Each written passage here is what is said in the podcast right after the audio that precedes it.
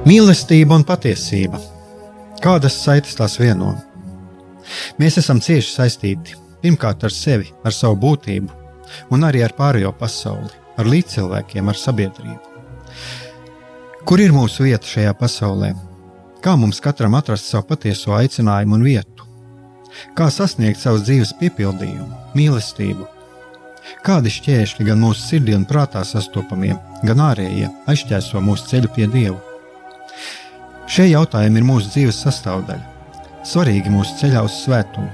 Meklēsim šajā raidījumā kopā atbildes uz šiem jautājumiem. Ieklausīsimies, ko Dievs mums vēlas pateikt ar visu, ko sastopam savā dzīvē.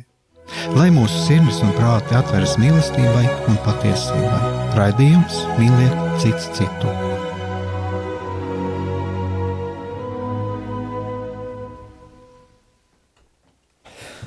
Lai top slavēts Jēzus Kristus, esiet sveicināti, darbie radioklausītāji. Šis atkal ir redzējums mīlēt cits citu. Studijā esmu Esaigās Brikmanis, un šodien mums ir viesis. Uh, e, muzeja ebreja Latvijā direktors Ilja Ļenskis. Labdien. Vēsturnieks, es arī saprotu, cik pēc visās biogrāfijas, ko mēs varam atrast. Un eh, šī eh, doma, no vienas puses, es jau turpinu to, ko es jau biju sācis un ko es ceru, eh, turpināt runāt ar cilvēkiem no dažādām kopienām un arī dažādu tautību pārstāvjiem, kā viņi, kā viņi dzīvo šeit Latvijā, kā viņi, kā viņi mm, jūtas šeit Bet eh, šo, šodienas raidījumu man ierosināja arī vēl kaut kas, eh, kāds video, ko es noskatījos, iesaist Berlīna centra rīkoto konferenci, eh, video ierakstu, kurš, kur bija kāda tikšanās, kuras nosaukums bija Vai Pepija garzeķi ir jācenzē. Un savā ziņā šis raidījums kāds viņam tika iedots nosaukums šeit, eh, kā mēs viens otru uztveram, un kas ir tie iemesli, kāpēc mēs uztveram tā un es savādāk. Bet es domāju, ka šī lieta uh, ir daudz plašāka, un tāpēc es gribētu pievērsties tādam jautājumam kā cenzūra. Kas ir cenzūra? Vai tas ir kaut kas pozitīvs, slikts, vai kādā brīdī šī cenzūra ir vajadzīga? Uh, un eh, kas ir šīs robežas, kad sākt šo cenzūru, un uh, ko mums darīt, kā pret to attiekties. Jo mēs ļoti daudz uh, ar šādām lietām saskaramies, sākot ar to tā saucamo likumības likumu, kas šeit sacēla lielu troksni. Tad, manuprāt, pat nedaudz tāds komisks gadījums ar šo morāli. Šķiet, arī šī, šī tikšanās bija šim morālim veltīta, un to, cik tālu mēs varam iet. Uh, Un, eh, jā, nu, ko mums šajā situācijā darīt? Viedokļi ir dažādi, cilvēkiem ir eh, uzskati ir dažādi. Bet varbūt eh, es sākšu ar tādu pirmo jautājumu.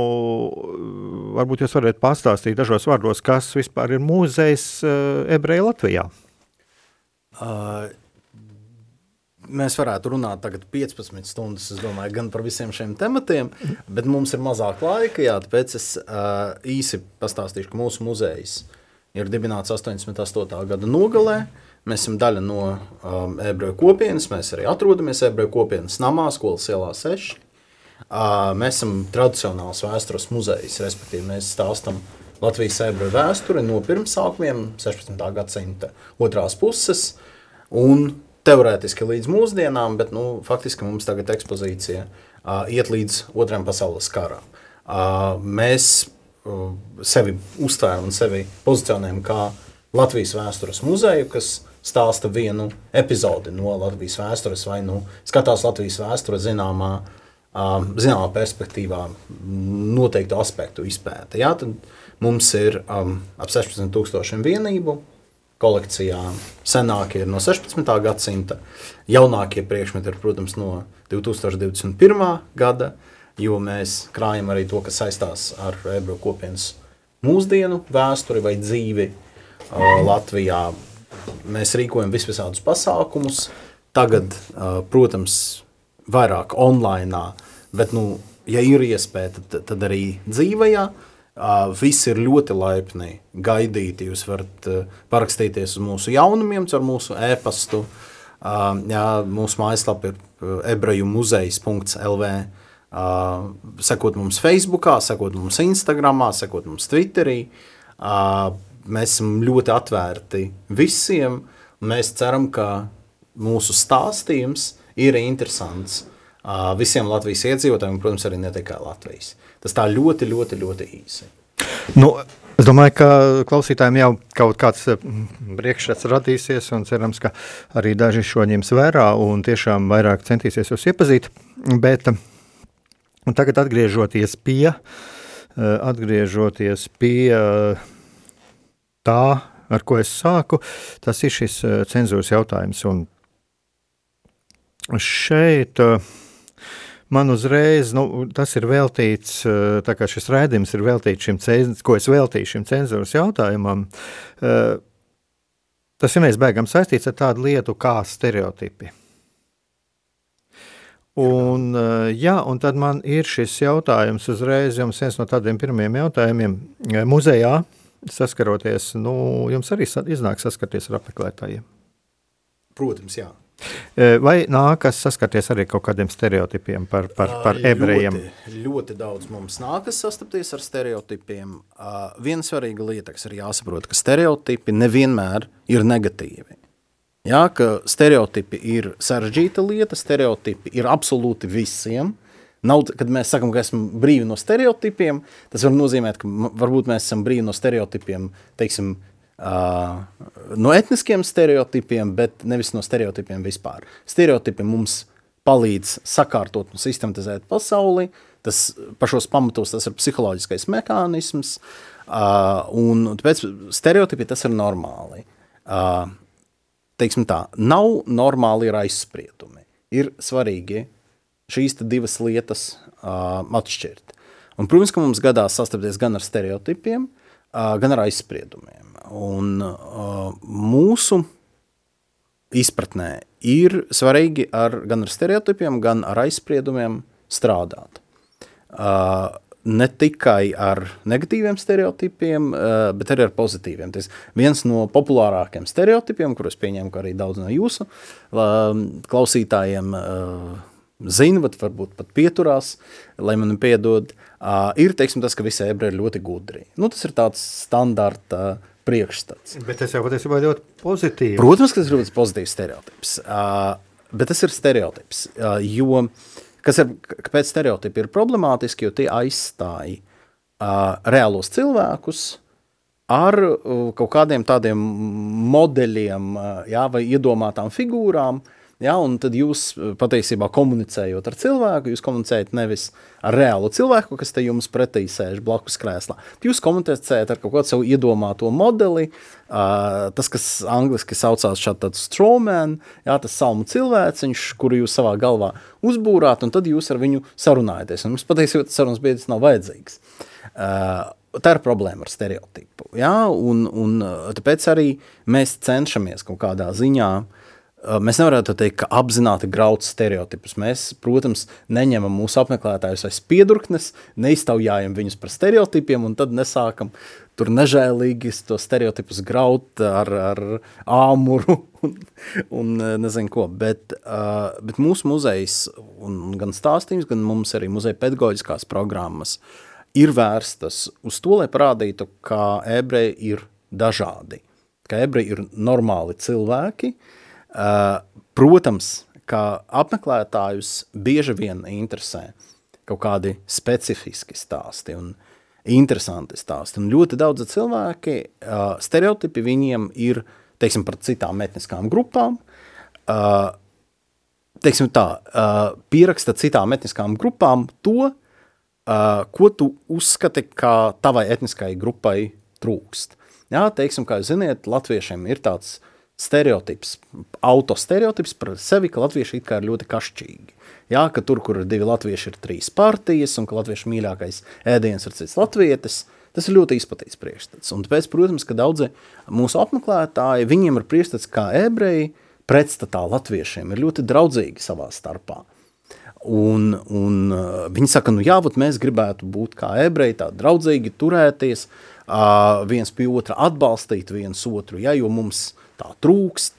Un tad mēs sākam stāstīt, teiksim, kādas bija attiecības starp ebreju politiskām partijām. Ticiet man, ne labākas par attiecībām starp latviešu politiskām partijām. Cilvēki ir pārsteigti. Ja, vai tāpat, teiksim, neskapēc, daudz cilvēki uzskata, ka latviešiem nav kaut kādu tur iemaņu ekonomikā, piemēram. Ja? Un tad sākas tas, nu, jā, bet ebrejiem ir talants un dotības, un mēs latvieši tādi bārinīši esam. Uh, un tad mēs sākam no vienas puses rādīt, ka patiesībā liela daļa Latvijas ebreju, ja mēs runājam par to periodu, kad mums ir kaut kāda statistika, jā, 19. un 20. gadsimts, bija patiesībā diezgan trūcīgi. Uh, un otra lieta, protams, ka mēs varam ilgi stāstīt un gāries kā vēsturnieks, ne, ne, varbūt ne tik daudz muzeja ietvaros, bet par, uh, tieši par latviešu uzņēmējiem 19. gadsimtā. Un galu galā visa deglava Rīga ir uh, slavas dziesma latviešu uzņēmējiem. Tā. Uh, tad lūk, tā darbojas stereotipi. Pat ļoti pozitīvi stereotipi ir problemātiski ar to, ka tie uzbur kaut kādu, mm, kaut kādu fikciju. Mums, kā muzejam, ir interesanti runāt par uh, realitāti. Lai cik tā realitāte nebūtu skarba un problemātiska, droši vien šādi cilvēki aiziet sarūktināti. Viņi saka, mēs gribējām uzzināt kaut ko, ieraudzīt kaut ko eksotisku, un mēs redzam parastus cilvēkus. Bet, nu, kā ir? Parasti cilvēki arī ir ļoti, ļoti interesanti. Parasti cilvēki ir mūsu uzmanības vērti. Jā, un es domāju, ka arī šie parastie cilvēki, vismaz man tā šķiet, eh, palasot arī uh, nu, dažādas vēstures materiālus, ir bieži vien šī parastā cilvēka atmiņas ir man šķiet pat kādreiz ir tas daudz interesantāks, ja viņš kaut ko paskatās no tādas skatu punkta, kā šis cilvēks eh, jutās, kā redzēja. Jūs man šķiet esat vēl viens no ebrejiem, ar kuriem jau es esmu kādreiz saskāries, kas varētu ar savu teikto dažiem dažiem latviešiem varbūt pašapziņa pacelt? Uh, nu, es būtu priecīgs, ja tā notiktu. Jā, uh, jo man liekas, ka jā, vispirms, ka uh, runāt par tiem vienkāršiem cilvēkiem, parastajiem cilvēkiem. Ja? Uh, ir, es neatceros, kurā literārā darbā tur bija teikts, ka cilvēki nemūt, ne, nemēdz būt parasti, ka taburete var būt parasta, bet cilvēks ir vienmēr ir sarežģīts un komplicēts. Ja? Tad, uh, un, un, un, protams, es būšu priecīgs, ja Uh, ja mans teiktais kādam liks aizdomāties un vienkārši ieskatīties Latvijas vēsturē, un jāsaka, ka tagad Latvijas vēsturnieki daudz ir izpētījuši par uh, Latvijas pagātnē tādā griezumā, kāda tā netika pētīta iepriekš. Un mūsu priekšstats par to, kā vienmēr teiksim, latvieši, lai kā mēs tos latviešus neraksturotu, ja, bija pavērdzināti un, un, un neveiksmīgi. Un tā tālāk, tā, tagad tas stereotips lielā mērā ir grauds. Ja, un, un tieši otrādi mēs redzam, ka daudz, daudz piemēru veiksmīgiem latviešiem. Jā. Iznāca nesen teiksim, brīnišķīgā filma Blūms un Steinhauers par Steinhauera dzimtu, kas bija viena no turīgākām Rīgas dzimtām 18. gadsimtā. Vienkārši kā viens no piemēriem. Jā, un tad es domāju, ka, ka tādu stāstu tieši pēdējos gados, pēdējos piecos, septiņos gados, vēsturnieki ir publiskojuši ļoti daudz. Jā, un, un ja mums ir vēl joprojām tāds, nu, kaut kādā ziņā padomisks priekšstats jā, par tādiem vienkāršiem uh, cilvēkiem, kurus visu laiku kāds apbižo, vai nu pašu buržuji, vai nu kaut kāda ļauna iebrucēja. Tad šodien mēs redzam to ainu daudz, daudz komplicētāku. Ļoti jauki. Um, tā, tomēr es gribētu atgriezties pie, pie šī cenzūras jautājuma. Droši. Jo mēs zinām, piemēram, Latvijā likumi ir aizliegts publiskajās vietās totalitāro varu simboli. Ir tā. Un tad, protams, tas var būt ļoti plašs temats, kā mēs jūtamies saskaroties ar kaut kādiem konkrētiem simboliem, kā es kā latvietis jūtos, piemēram, nākot garām, lūk, šeit gar šo pieminekli, kas tepat netālu ir. Es domāju, ka tas būtu ļoti plašs temats, eh, kaut arī to, kas notika pēdējā laikā Amerikā. Un, eh, bet katrā ziņā šie, eh, šie pieminekļi, visas šīs šie simboli ir kaut kas, kas ir saistīts ar pagātni. Bet man, gatavoties šim raidījumam, ienāca prātā kāda tāda epizode, ko es piedzīvoju, skatoties Facebookā. Un tas ir attiecās uz simboliem. Bija kaut kāds profils, es vairs neatceros, bet tas bija kaut kas saistīts ar latviešu karavīriem, otrais pasaules karš. Un uh, ko es tur pamanīju, ka, piemēram, uh, lidmašīnas, kara laikā nacistiskās Vācijas līdmašīnas, tur apbalvojumi un tā. Visur ir aizkrāsots eh, kāškrusti. Un lūk, šeit man ir tāda mazliet tāda mm, divējādas izjūtas, no kā mēs eh, varbūt baidamies, eh, vai mēs baidamies, kāpēc mēs, man pat grūti ir to formulēt. Uh, es domāju, ka, teiksim tā, ja mēs runājam par Facebook konkrēti, uh, tad tie kāškrusti tiek aizkrāsoti. Jo acīm redzot, tie Facebook um, algoritmi uh, identificē fotografijas ar kāškrustu kā Kā nacisma kaut kādu. Ka, jā, kā nacisma slavināšana. Mm -hmm. Tam ir ļoti vienkārši izskaidrojums, jo liela daļa uh, šāda rakstura fotografiju un satura, uh, teiksim, Amerikas, un es pieņemu, ka arī daļai Rietuma Eiropas, profilos patiešām ir mhm. saistīta ar nacistu slavināšanu. Ja? Vai ne tik daudz ar nacistu slavināšanu, cik es teiktu, nāk no mūsdienu neonacistiem. Mhm. ja? Un, tas arī ir svarīgi, ka Facebooku absolūti neinteresē vēsture. Ja? Un, un, un Facebooks nekur, man liekas, nerunā par to, ka tur interese pret kaut kādiem tematiem, vēsturiskiem tematiem, būtu problemātisks. Jā, bet tur, protams, iet runa par, par to, ka tur nedrīkst izplatīt. Nu, tur, tur daudz kas ir uzskaitīts. Tā var teikt, tā viņš tie, tur ir kaut kādi algoritmi, viņa vienkārši ļoti... neatpazīst, ja tur sēdētu cilvēks, viņš varētu izšķirot, um, kur ir propaganda, kur nav. Kaut kādā ziņā jā, droši vien tā, atkal nekādā ziņā neesmu speciālists uh, sociālo mēdīju mehānismos. Bet, nu, cik tālu es saprotu, tas tā darbojas. Bet kas ir svarīgi? Tad um, gan Facebookam, bet es pieņemu, ka principā uh, daudziem svarīgākais ir konteksts. Un cilvēki ir pieraduši pie to, ka šāda rakstura saturs parādās um, neonacistiskajā kontekstā. Mhm. Ja? Kā, kā jūs saprotat, tā ir divējāda problēma Latvijas gadījumā, jo ne tikai Otrā pasaules kara laikā, bet arī, kā jūs zināt, 20. un 30. gados uh, ugunskrusts tika izmantots kā Latvijas uh, aviācijas uh, simbolika uz lidmašīnām, un arī Somijas Jā, aviācija. Man uzreiz ienāk Somi, prātā arī Somijā. Somijā, Somijā man liekas, arī palika kādu laiku pēc otrā pasaules kara. Es man nezinu, šķiet, ka viņš ir viņiem arī, ka tagad kaut kāds militārais formējums, kur viņš ir. Varētu, varētu būt. Jo es, jā, bet atkal un... tas varbūt ir kaut kāds viltots, es kaut, kaut kādu fotografijas redzēju. Nu jā, bet nu, ja, ja, jebkurā gadījumā, tad, uh, tad teiksim, Latvijā šīs vizuālais simbols var parādīties arī uh, saturā, kas vispār nesaistās ar Otro pasaules karu. Ja? Un mēs varam pieņemt, ka šie Facebook algoritmi vai pat cilvēks, kas, ja tas to analizētu cilvēks, arī tur tas tiktu uztvērts kā kaut kas problemātisks.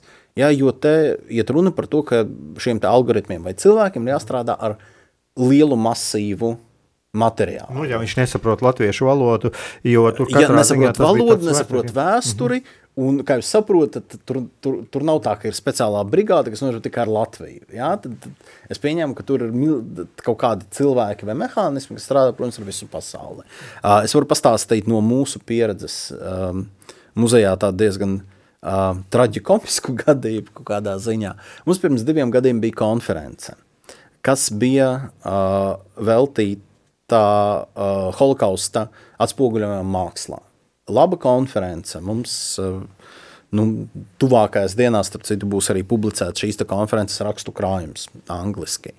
Uh, tad mums tur bija viens no priekšlasījumiem uh, par tādu mākslinieku Borisu Luriju, ļoti kontroversālu mākslinieku. Uh, kas, kas savienoja um, teiksim, erotiskos motīvus ar šiem memoriāliem motīviem. Viņš ir bijušais rīznieks, Rīgas geto izdzīvojis, un, un drīz arī latviešu nāks krājā, klājā viņa memoāri. Un uh, bija priekšlasījums par viņu, kur tika demonstrēti arī viņa darbi.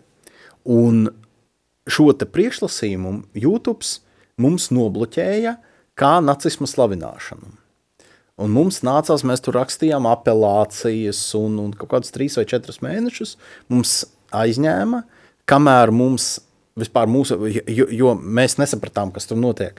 Mēs atkārtoti ielādējām to, to video ar to priekšlasījumu. Tas ir akadēmisks priekšlasījums. Jā, tad mums nobloķēja visu kanālu vispār mūsu muzejam, jā, un tad mums nācās 3-4 mēnešus sarakstīties ar YouTube un skaidrot, ka, lūk, lūdzu, paklausieties to priekšlasījumu. Tas ir akadēmisks pētījums par mākslinieku, kas ir tieši vērsies pret nacismu un, un tā tālāk. Galu galā tas droši vien nonāca līdz cilvēkiem, nevis līdz kaut kādiem algoritmiem, un, un mums atbloķēja. Tiesa gan to video vienalga aizliedza. Jā, tad, tad acīm redzot, lai tie algoritmi viņiem atkal nenoklikšķinātu. Uh, nu, lūk, tā.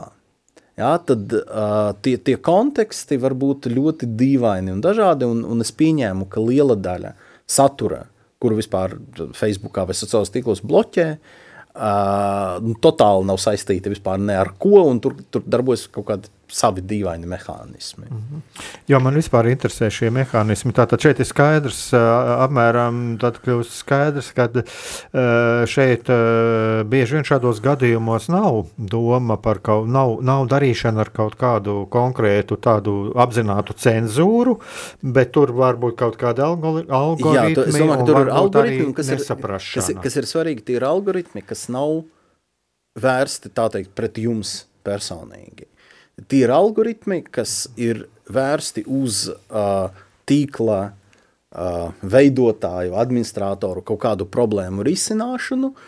Uh, viņi, te, tā, viņi redz problēmas tur, kur problēmas ir viņu sabiedrība. Tas arī ir svarīgi. Mēs visu laiku aizmirstam, ka Facebook ir ASV radīts uh, produkts, sociālais tīkls.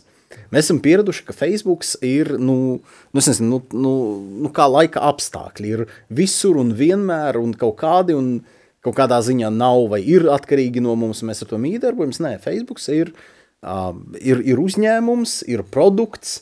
Jā, un, un tāpēc, starp citu, mēs par to varam parunāt par cenzūru Facebook. Citādā ziņā, jā, ka, kāpēc man, manuprāt, nav īsti pareizi runāt par cenzūru Facebook. Uh, Uh, es domāju, ka, ka protams, ka lielā, lielā mērā Facebook ir vērsts uz Amerikas problēmu risināšanu. Tur, kur amerikāņi dažādi ja, saskata problēmas, viņi tur tās risina. Viņi risina savas problēmas. Nevis mūsu problēmas, nevis mūsu vēstures problēmas, nevis mūsu attiecības ar Krieviju. Viņi risina savas amerikāņu problēmas, ja mēs tā varētu teikt. Ja? Un, un risinot tās problēmas, mēs vienkārši pagadamies teikt, zem, zem karstās pierodas. Pagadamies pa sitienam. Nu, es domāju, tā. ka tagad mēs varētu arī paņemt kādu muzikālo pauzīti un Jā. tādi turpināt.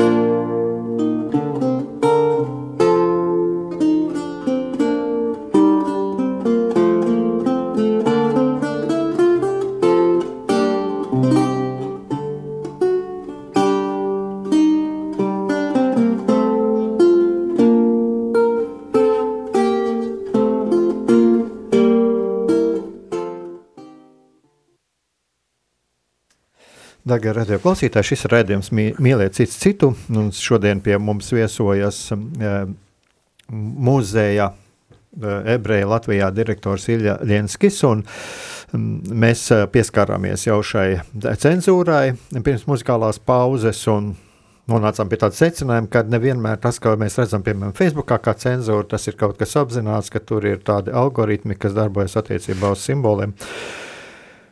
Un, es domāju, mēs varētu arī par tiem simboliem diezgan daudz runāt, jā, jo Es arī ir, ir dažādi viedokļi, piemēram, par šo simbolu aizliekšanu, aizliegt nacisma un padomju totalitāro režīmu simbolus.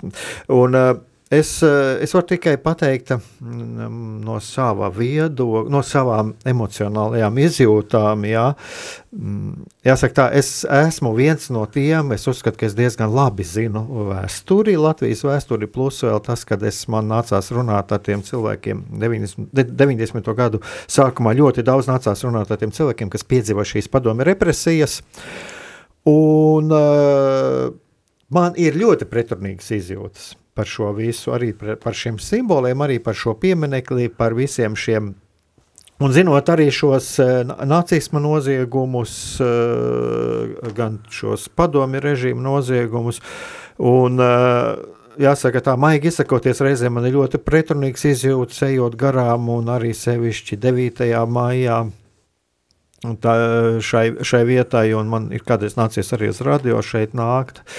Uh, Un tad lūk, ir šis jautājums, kā ir ar šiem simboliem, kā pēc jūsu skatījuma, jūs tomēr ir kā vēsturnieks un, un arī kā tās tautas pārstāvi, pārstāvis, kas ir tiešām ļoti briesmīgu genocīdu piedzīvojis. Kā jūs uz to skatieties, uz šo, cik, cik daudz simboli, šo simbolu esamība vai neesamība publiskajā telpā, vai viņa var kaut ko ietekmēt?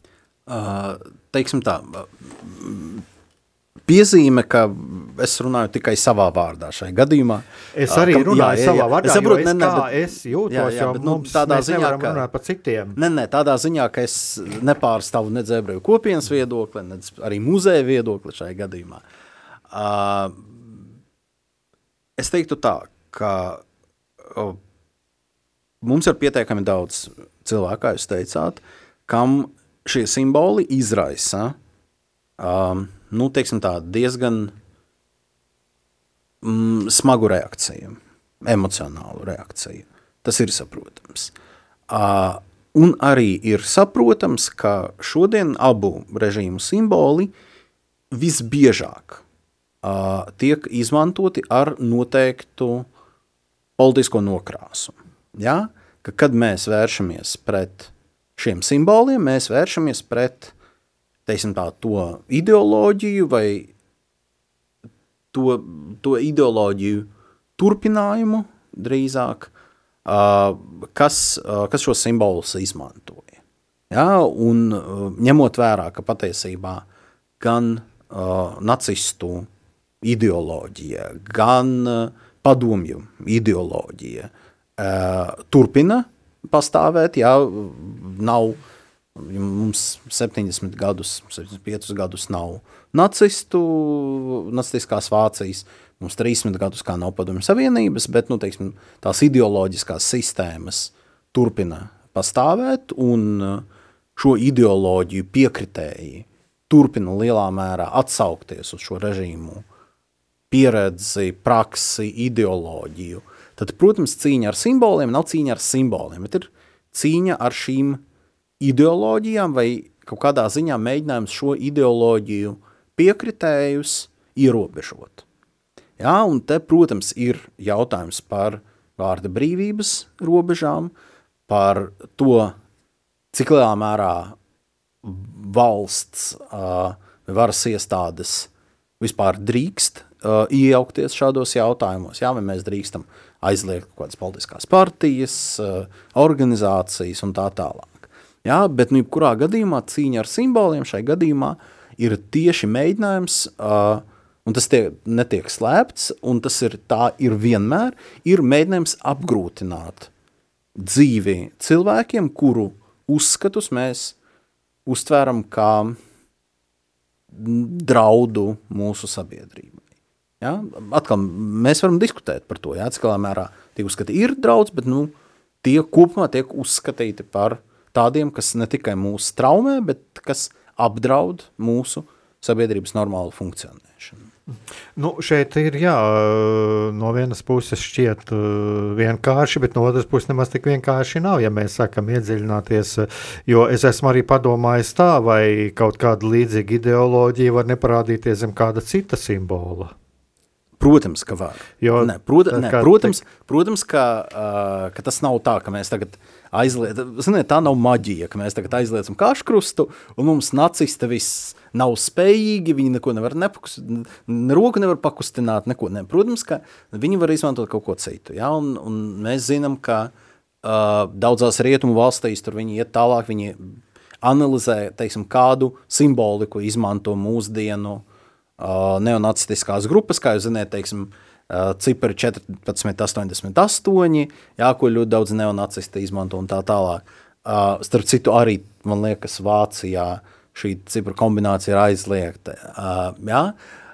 Protams, ka varam, bet, bet es pieņēmu, ka droši vien kaut kādu savu praktisko funkciju. Tas 14, 88. Tas 88 ir Heil Hitler, mm -hmm. jo H burts ir 8. burts, un 14 ir tāda uh, Amerikas neonacista Davida Djuka 14 vārdi. Kurus es tagad neatceros. Ka es, kaut kas es, mums ir. Kaut, ja, mums ir es esmu kādreiz lasījis. Jā, jā, ka mums ir jāsaglabā tur balto bērnu nākotne. Es neatceros uz citiem. Tur bija 14 vārdi. Ja, un tad vispirms, man liekas, Amerikas neonacisti, un, un tad uh, arī Rietumē Eiropa sāka izmantot šo kombināciju 14,88.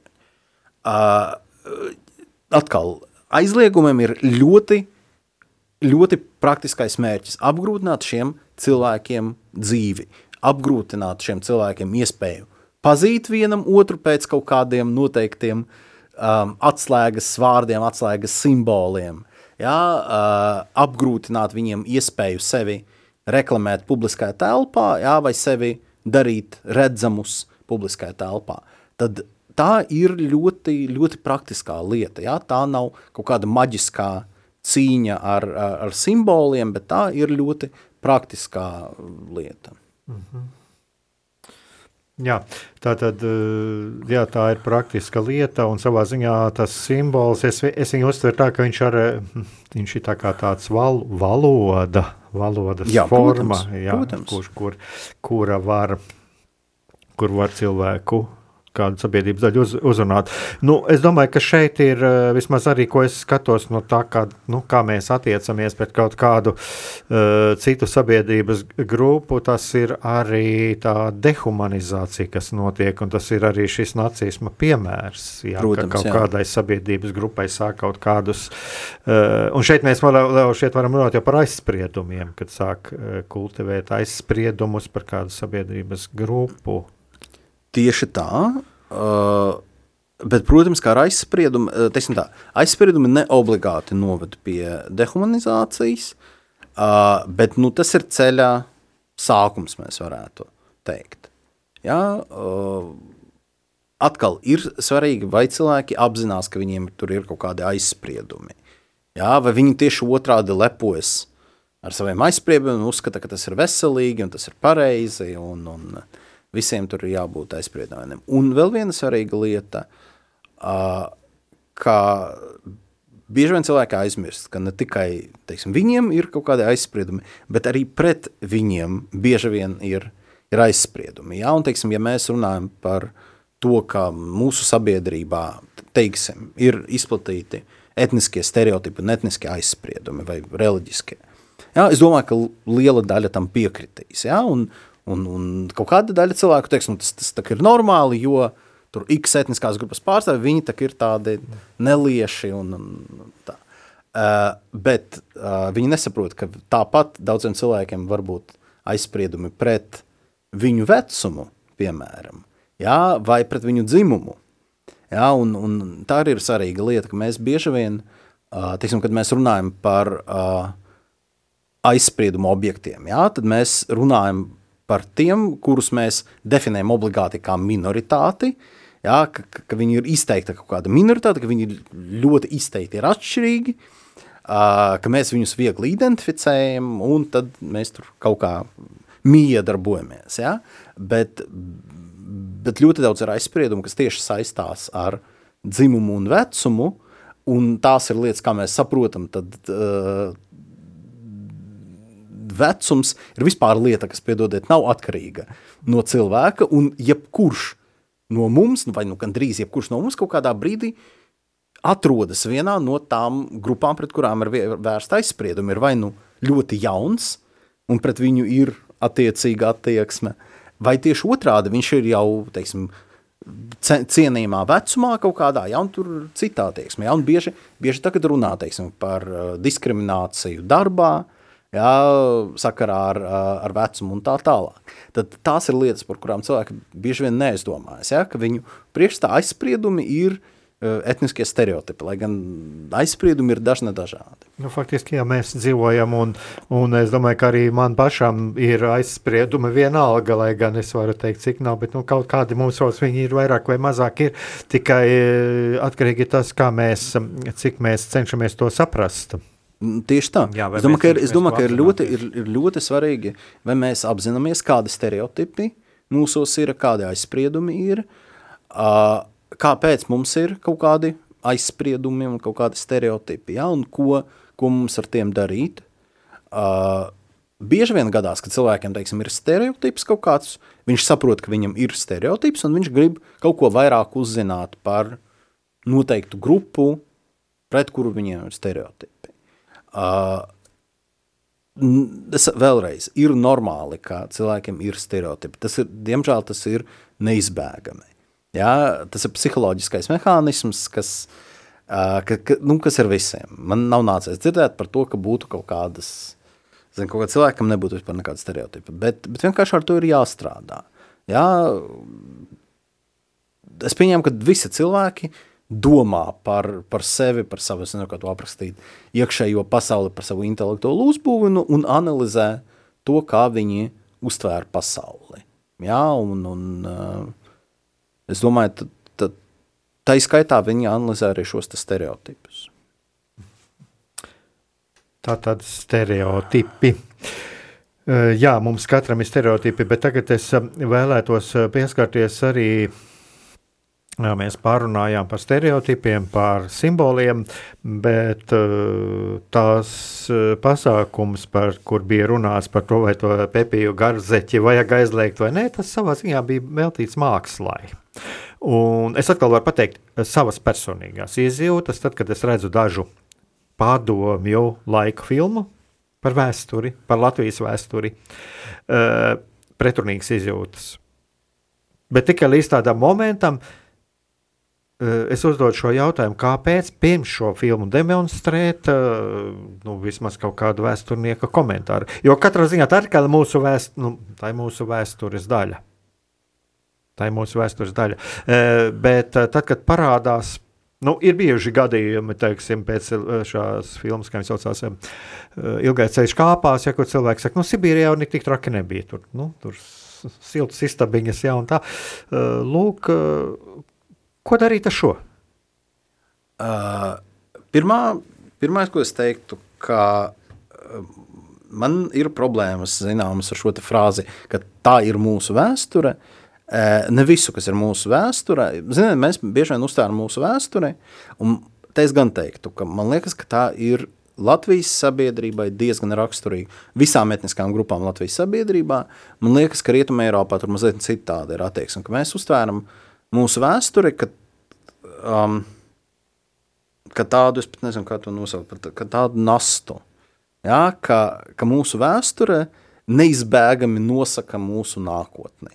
Ja, ka, ka, ka, ka, ka, ka mums vot, vot ir visa tā vēsture, tā, mēs esam savas vēstures vergi, tā teikt, ja, un, un, un tad mums, ja, Jums kāds Man mazliet tas jautājums jā. ir ne, par to vēsturi. Es savā ziņā, es, šis ir tas, ko jūs runājat, savā ziņā tas ir tas, ko es arī kādreiz mēģinu cilvēkiem teikt, ja, kad arī skatīties un nekļūt par šīs vēstures vergiem.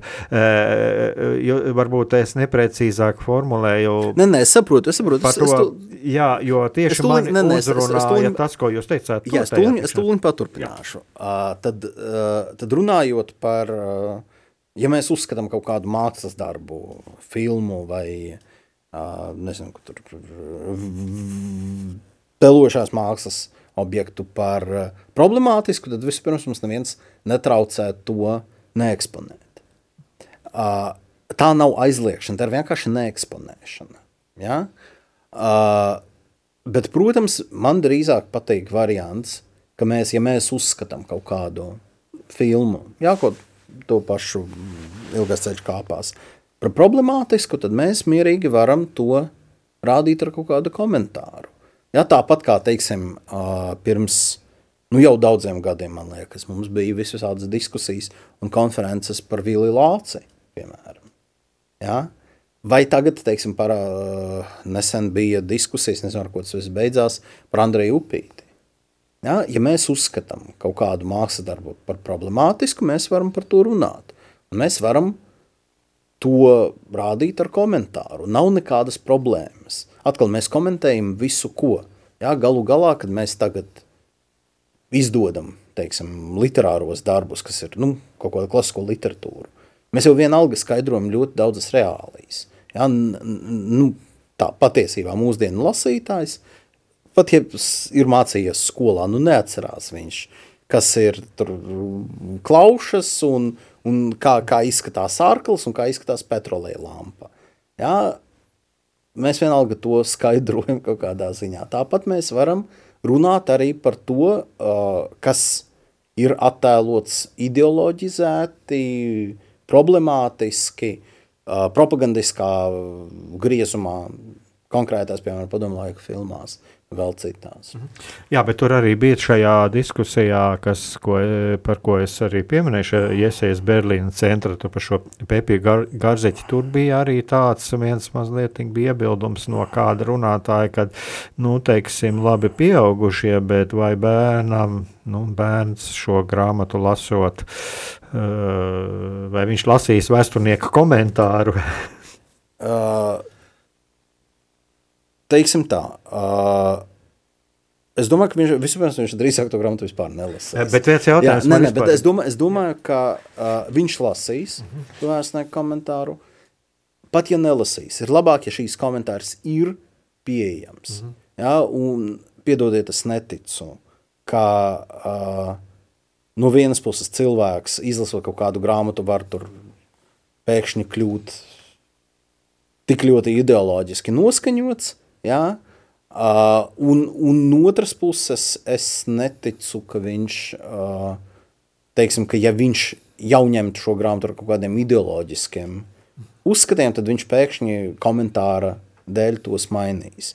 Ja? Es domāju, ka komentārs ir uh, svarīgs tam cilvēkam, kas ir gatavs lasīt vai klausīties, ja? un kam ir interese padziļināti kaut ko saprast. Ja? Es neticu tam, ka grāmata, uh, ziniet, kā kaut kāds izstarotājs, ja? ka jūs ka, ka, ka mm -hmm. neizbēgami jums ieborēs kaut kādas idejas smadzenēs.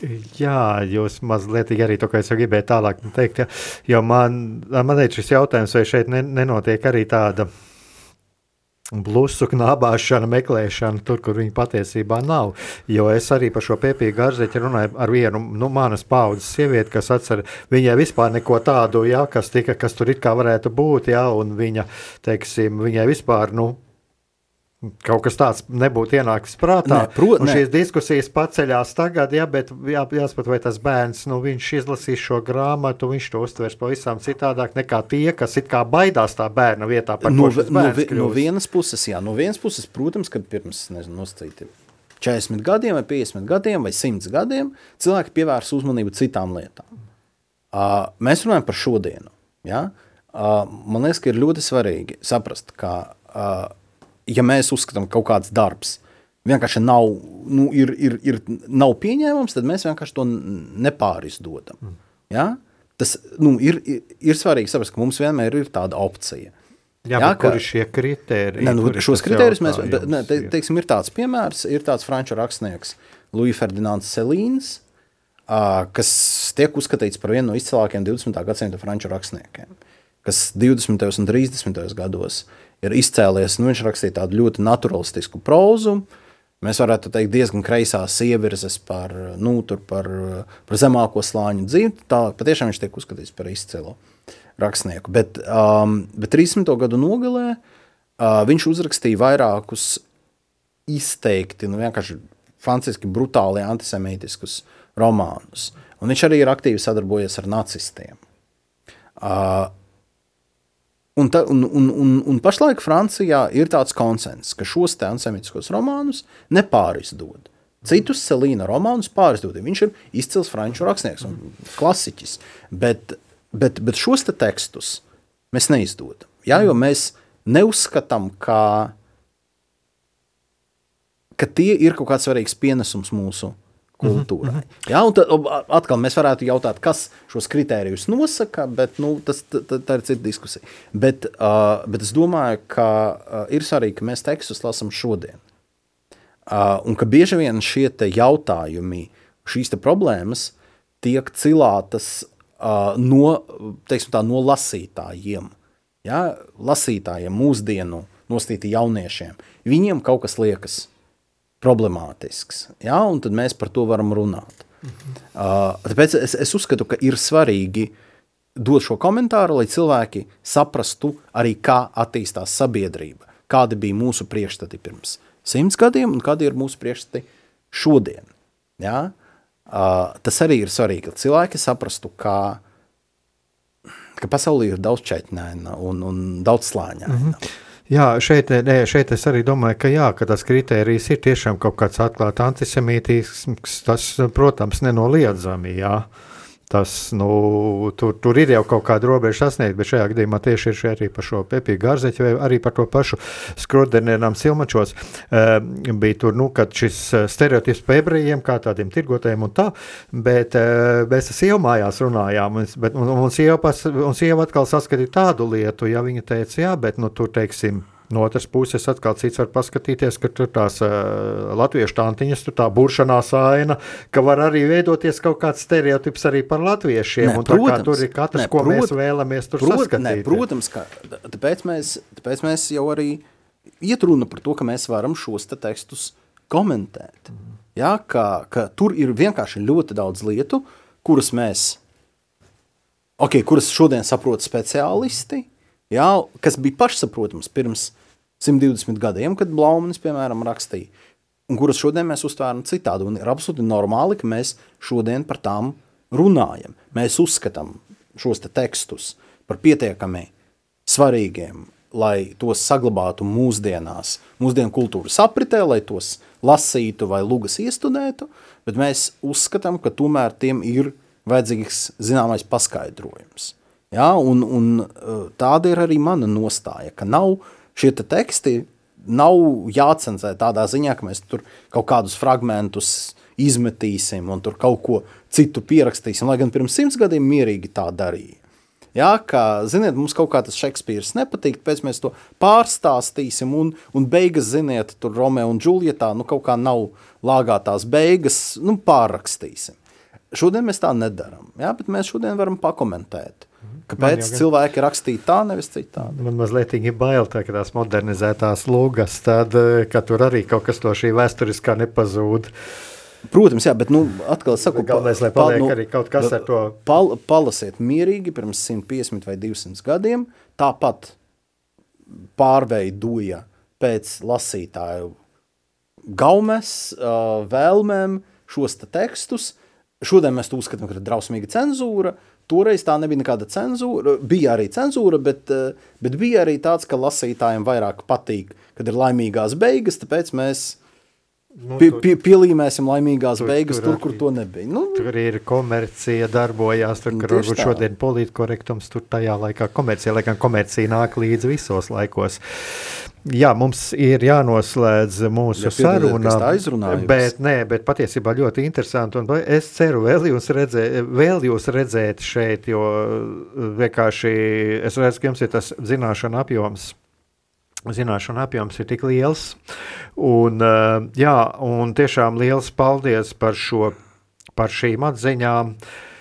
Ko, kur arī man pašam bija daudz, kur vērts ieklausīties, un uh, varbūt tādu noslēgumu. Tātad, jā, tātad šie uh, simboli, nacisma, padomju totalitārismu simboli, te ir sava veida tādas valodas formas, kur šī aizliekšana būtībā ir, lai, jā, lai neļautu runāt šiem ļaunuma kurinātājiem. Tā Jā, teiksim. tieši, jā. Tie, tieši tā, tā, tā, tā ir tīri praktiskā lieta. Uh, un, teiksim, es varu, es varu pastāstīt, piemēram, rīt, uh, 27. janvāris ir Startautiskā holokausta upuru piemiņas diena. Uh, un, starp citu, jā, visi klausītāji ir aicināti pulkstens 12. biķernieku memoriālā notiks uh, aizlūgums uh, upuru piemiņai. Jā, būs uh, visu galveno uh, denomināciju pārstāvji. Uh, un, kad veidoja memoriālu, bija jautājums, ar kādu simbolu uh, atzīmēt uh, dažādas upuru grupas. Ja, jo skaidrs, tur ir Dāvida zvaigzne ebreju upuriem, bet tad tur ir politiski ieslodzītie un tur ir padomju karagūstekņi.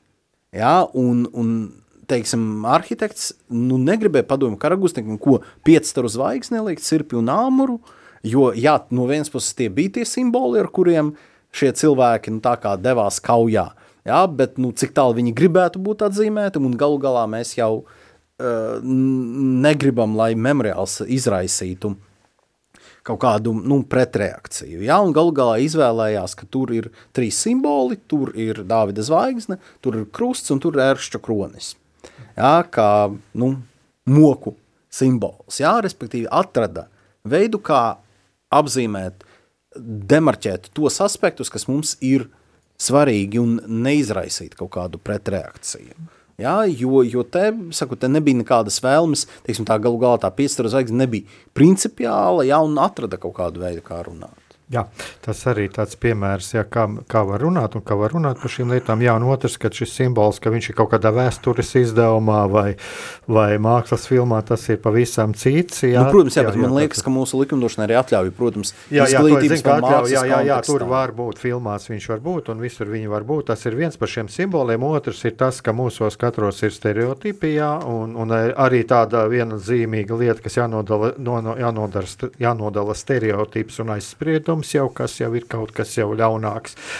Un tad trešais ir par šo mākslu, par mākslas darbiem, par mūsu kultūras mantojumu, ka jā, nevajadzētu strīpot, nevajadzētu cenzēt viņus. Jā, ir kaut kādas robežas, kuras tiek sludināts kaut kāds absolūts ļaunums, to, protams, nevajadzētu izdot, jo tā būtu ļaunuma propaganda. Bet eh, tur, kur parādās kaut kāds pagātnes domāšanas, es teikšu, stereotips, eh, ka to nevajadzētu cenzēt, ko patiesībā ja šie mākslas darbi saglabājas, bet tikai ar izglītošanu, ar skaidrošanu, lai tie cilvēki, kas lasa, kas skatās, lai viņi arī saprastu, kāpēc tas tā, un lai viņi saprastu šī attiecīgā laika kontekstu. Tieši tā. Lielas paldies! Paldies, ka uzaicinājāt. Jā, un liels paldies. Un tiešām šis bija tāda ļoti vērtīga un interesanta tikšanās. Un eh, ceram vēl kādreiz tikties šeit, Labprāt, jā, nākšu, kādu protams. citu reizi. Tātad šis bija raidījums Mīlēt cits citu. Un studijā biju es, Egāns Brīsmans, un mums bija viens ļoti brīnišķīgs viesis, muzeja ebreja Latvijā direktors Ilja Lenskis. Paldies, lai jums jauks vakars.